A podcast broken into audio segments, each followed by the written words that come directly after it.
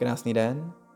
Doufám, že jste pohodlně usazeni tak jako já a můžeme se pustit do dalšího dílu podcastu OZIM. Osoba zrající inteligentním myšlením. Dnešním tématem bude FOMO. Strach, že o něco přijdeme. Zažili jste někdy pocit toho, že vám zavibroval telefon a vy jste ho nemohli otevřít a přemýšleli, co se, přemýšleli jste, co se stalo? Nebo uh, jste byli na nějaké akci a najednou vám někdo řekl o druhé akci a měli jste potřebu jít na obě. Nebo jste měli strach, že najednou nebudete vědět dostatek informací, že najednou někdo bude vědět víc a neustále jste porovnávali to, co vědí ostatní a chtěli jste se do, dohnat s tím, co vědí všichni okolo vás. Ale vlastně vás pohltil pocit toho, že to nikdy nemůžete dokázat. To je právě FOMO. Strach, že o něco přijdeme. Nacházíme se v době, kdy nejčastější sociální kontakt mezi lidmi probíhá formou sociálních sítí a sociálních médií. Čím dál více se projevuje naše úzkosti z představy, že přijdeme o nejnovější informace, které nám dokáže mobilní telefon poskytnout. Stejně tak se stává, že si bez mobilního telefonu dokonce už dnes připadáme jako bez ruky a mnohdy je kontrolujeme více než je uh, přecházení přes cestu nebo třeba řízení nebo rozhovor se svým kamarádem, přítelem nebo kolegou. Vzpomínáte si, kdy jste si sami od sebe naposledy vypnuli telefon? Kdy jste se bavili ve společnosti přátel, aniž byste sdíleli zážitky na Instagramu, Facebooku nebo si psali s kýmkoliv na druhé straně mobilu? Kdy jste si jen tak užili víkend bez toho, aniž byste telefon vůbec použili?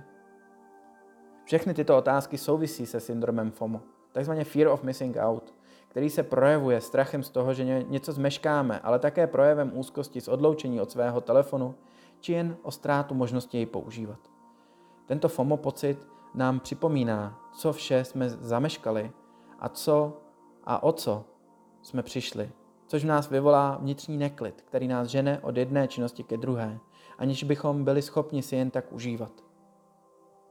Dostáváme se do stavu, kdy máme obavy, že se staneme takzvaným blicem, Možná jste viděli díl How I Met Your Mother, kdy Blitz byl osobnost, která vždycky přišla o tu nejdůležitější skutečnost dané párty, rozhovoru nebo jenom situace. A najednou jsme věděli, že je něco špatně. A měli jsme strach z toho, že o něco přijdeme, a tak jsme raději neopouštěli sociální sítě. Neopouštěli jsme párty tam, kde jsme měli, jenom abychom o něco nepřišli.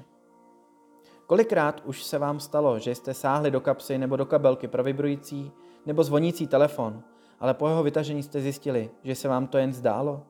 Stává se vám, že se chcete zjistit, kolik je na mobilu hodin, ale nakonec vlastně jen kontrolujete notifikace, či jej systematicky odemykáte? Cítili byste se nesví, kdybyste si telefon třeba jen na hodinu vypnuli?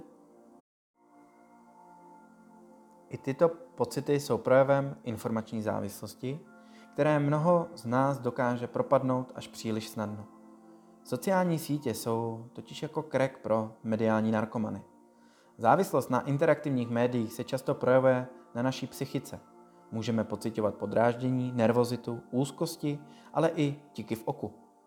Stejně tak mají za následek poruchy spánku, ale dokonce i pocity viny a větší sklon k impulzivnímu jednání.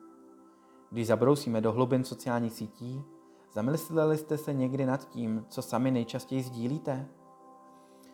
Nejlepší definicí je false joy of best situation.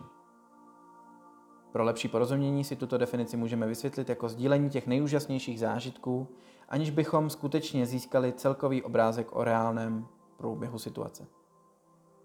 Jak se tedy projevuje člověk, který trpí FOMO?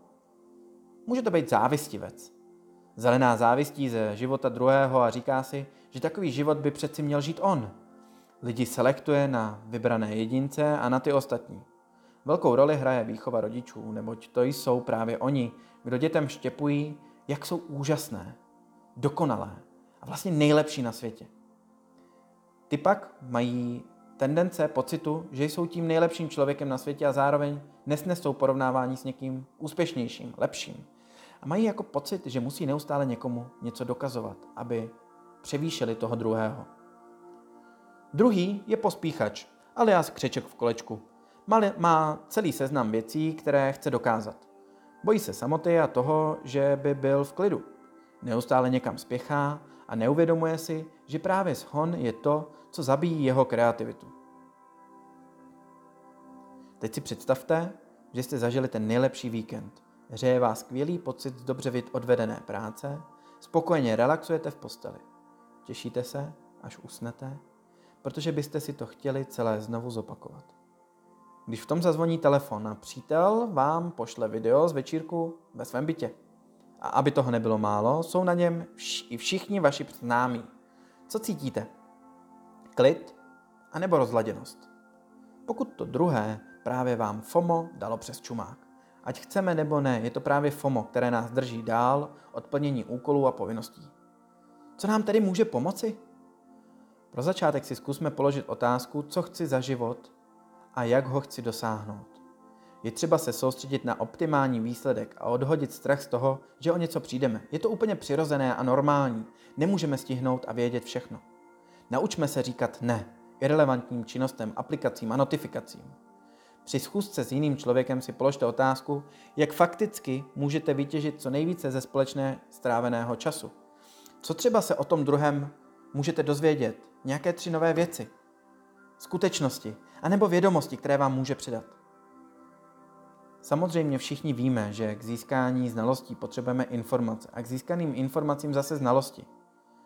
Žijeme se stínem strachu za zády o tom, že nejsme perfektní, informovaní, anebo že jsme dokonce málo důležití pro ostatní. Právě proto boji s FOMO je potřeba zapojit JOMO, Joy of Missing Out. Což pro nás znamená, že si začneme užívat to, že o něco můžeme přijít. Důležité informace se k nám cestu stejně tak jako tak najdou, i za předpokladu, že jsme offline. Celé kouzlo spočívá ve výdrži, v tom, že vydržíme nevyhledávat a nepátrat, i když je vše tak jednoduše na dosah. Zvědavost je lidská. Díky ní získáváme vědomosti a posouváme se dál. Je však potřeba brát v úvahu zásadní věc. Ne všechny informace jsou znalosti a ne všechny znalosti jsou informace. Pakliže půjdeme po cestě produktivity, ponoříme se mnohem snadněji do hluboké práce a budeme mnohem efektivnější a spokojenější. Přeci jen náš čas je omezený a je to ta nejcennější komodita, kterou máme. Tak si ji chráňme, kultivujme a rozšiřujme tak, abychom se dokázali soustředit na to, co máme rádi a to, co chceme. Ale zároveň, abychom mohli sebrat tu, kterou část pozornosti, soustředění a využili zvládání i nepříjemných situací během dne. Abychom překážky zvládali snadněji. A překážky se snávají, stávají překážkami pouze tehdy, pokud to připustíme. A proto nad nimi potřebujeme mít kontrolu. Hledejme schopnosti k tomu, abychom udrželi svoji pozornost a odvahu překonávat každodenní tlak, překážky nebo i druhé lidi tak, abychom byli spokojení, efektivní a zároveň součástí komunity, která si uvědomuje to nejzásadnější. A to je sami sebe. Přeju vám hezký den a s úsměvem, ať se vám daří plnit si to, co potřebujete a co chcete.